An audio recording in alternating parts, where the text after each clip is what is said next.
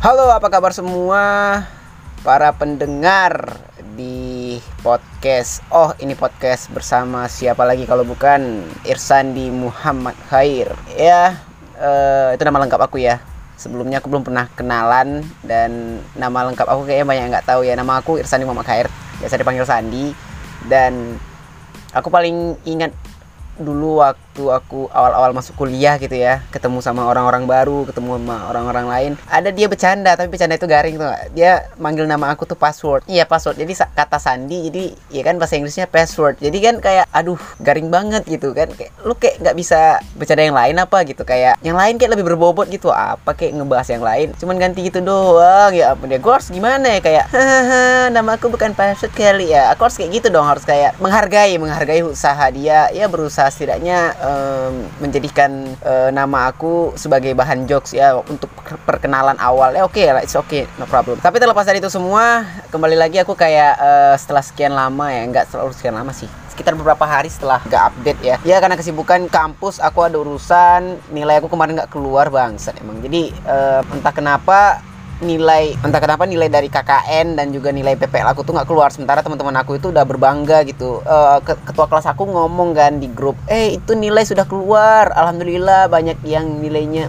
4 alhamdulillah. Pas aku cek di portal lah kenapa aku sendiri yang tidak ada? Maksud punya usut ternyata waduh masalahnya ada di dosen PA aku dong selama ini dia tidak ACC mata kuliah yang ku ambil. Ya begitulah. Aku juga nggak tahu sih mana sistemnya tapi alhamdulillah udah selesai dan ya aku bisa kembali tenang lah. Pokoknya udah seminggu aku tidur tuh nggak tenang masalah nilai ini karena kenapa ya aku sendiri yang nggak keluar gitu ya? Dan juga aku masih resah juga sih. Banyak sih yang kerusakan dan belakangan ini ya. Dari ya kayaknya tinggal di kelas itu kayaknya kalau urusan kampus kayaknya tinggal kami berlima deh.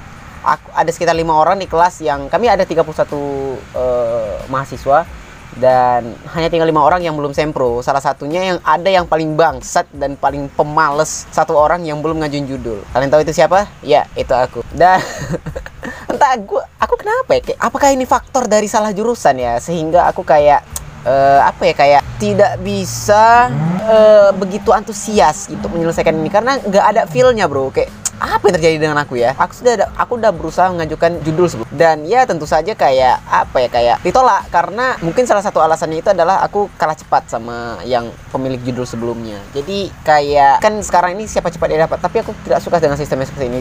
Di episode sebelumnya aku juga pernah bahas ya kayak uh, ini dijadwalkan aja gitu. Jadi nggak ada yang siapa cepat dia dapat. Semua rata gitu. Semua selesai bareng-bareng gitu sih. Ya terlepas dari semua urusan itu aku masih resah dengan hal-hal yang lain ya seperti uh, corona juga juga tetap makin serem juga gitu ya. E, beberapa daerah masih PSBB dan e, untuk daerah Pekanbaru sendiri dan Riau juga itu kayaknya tidak ada PSBB e, hanya pemberlakuan e, new normal dan e, tetap di mana pun kalian berada tetap ingat 3M e, pertama menggunakan masker yang kedua mencuci tangan dan ketiga itu menjaga jarak. Ingat selalu 3M yang bisa menyelamatkan kita dari terpapar virus COVID-19. Ya semoga COVID bisa hilang ya teman-teman semua ya. Aku mau ngebahas apa hari ini ya? Banyak sih sebenarnya yang ingin kubahas tapi ya berhubung hari ini sepertinya tidak ada bintang tamu jadi aku akan membahas semua hal dari perspektif aku aja ya. Ini semua ini berdasarkan argumen pribadi ya. Jadi jadi kalau anda semua tidak setuju hei anda hei yang mendengarkan ini jangan terlalu terbawa emosi. Tersinggung boleh tapi ya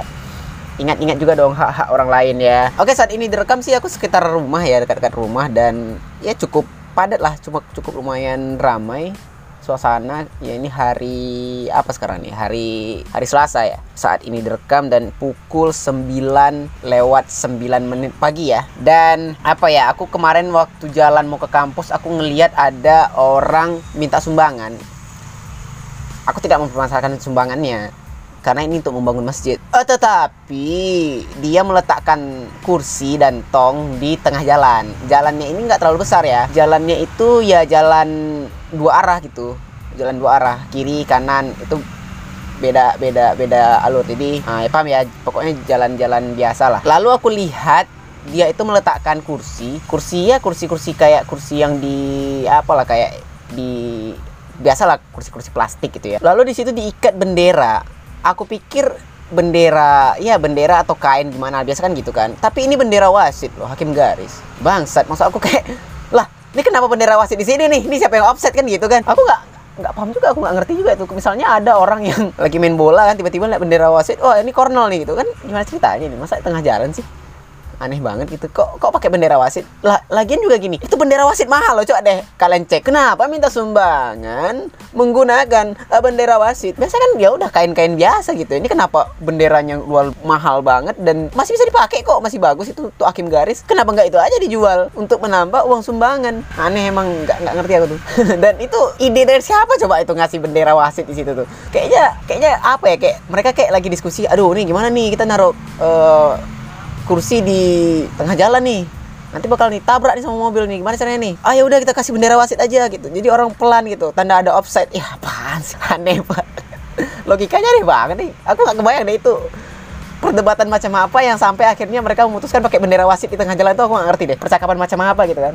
Lalu juga kayaknya ini fakta ya yang aku omongin fakta ya. Kalau kalian misalnya kalian datang aja ke jalan cipta karya ya dan di situ memang ada di pertengahan ya kalau kalian dari depan itu bakal nampak lurus saya terus sampai kalian ketemu nanti. Ini fakta ya tapi entah kenapa sekarang aku melihat ya banyak orang yang bercanda bercanda padahal itu fakta yang bercandain tapi orang jadi tersinggung gitu. Aneh ya kenapa sekarang fakta itu terlalu ofensif dan ya padahal itu kan fakta ya. Kita nggak bisa uh, denial soal fakta kita nggak bisa ngomongin soal wah ini nggak bener nih padahal faktanya udah memang kayak gitu. Apa ya yang membuat hal yang seperti ini terjadi ya? Apakah karena sifat deni denial dari semua orang itu ya.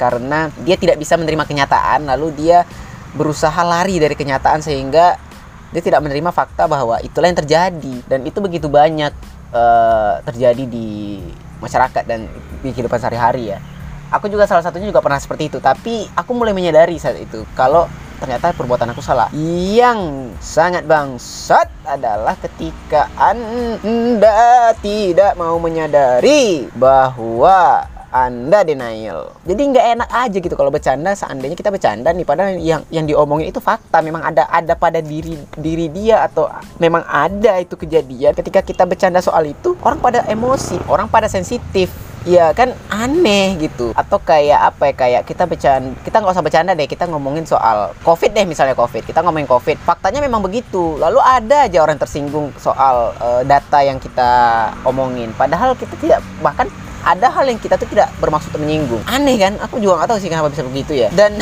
dan juga gini aku juga ngelihat kalau soal kayak yang fakta yang ada di lapangan tapi orang banyak yang nggak percaya itu kayak gini kayak uh, banyak yang teman-teman aku yang aku lihat ya kayak banyak yang di antara mereka itu goals dalam kehidupannya itu ya tujuan kehidupan yang membuat dia sangat bahagia itu adalah kayak aku akan menikah gitu. Iya, aku tidak mempermasalahkan itu sih, tapi kan kenapa aku hanya mempertanyakan kenapa? Secara kalau menurut pandangan aku ya menikah itu jadi menambah jadi begitu. Jadi kayak apa ya kayak di mana letak bahagianya gitu. Kenapa lu jadikan nikah sebagai goals dalam kehidupan lu gitu? Apa otak gue yang salah atau yang lu yang gimana ya? Tapi kayak coba tolong tolong siapa pun yang bisa uh, ngejelasin silahkan uh, uh, hubungi aku ya.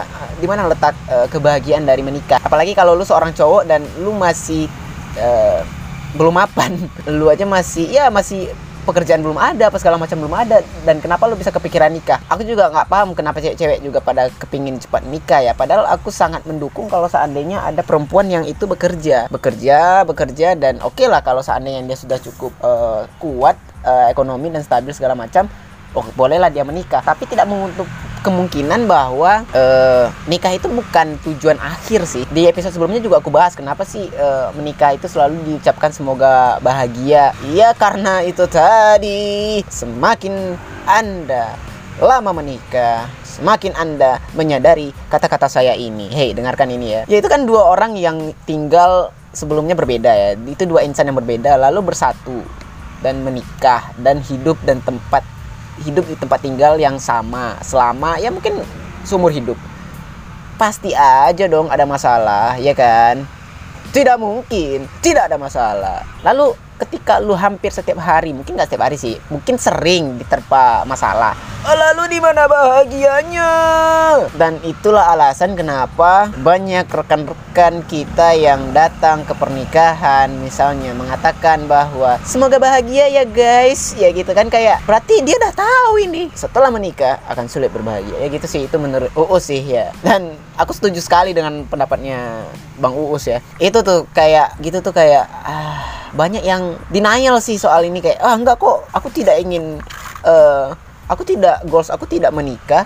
Tapi pas aku tanya pas dia ngeluh ah udahlah aku pengen nikah aja. Kenapa sih lu kayak lah aneh deh. Kan kalau emang itu bukan goals lu kenapa lu hampir setiap saat lu ngeluh lu mengucap itu gitu? Ya kan aneh kan? Dan apa ya kayak eh uh, aku juga ingin storytelling sih sebenarnya kayak um, sebenarnya problematika dari semua ini juga tergantung pada diri kita sendiri sih melihatnya gimana uh, cara pandang kita gimana. Dan uh, jujur kalau aku melihat uh, problem yang ada saat ini seperti kawan-kawan aku yang denial dan dia itu membantah uh, argumen aku kalau banyak orang yang uh, goalsnya dalam kehidupan itu adalah menikah aku melihatnya sih kayak oh ya sudah sih mungkin dia tidak bisa jujur dengan uh, dengan dengan dirinya mungkin atau dengan orang lain. Tetapi kan jujur semuanya kan yang ngerasain kan diri mereka masing-masing.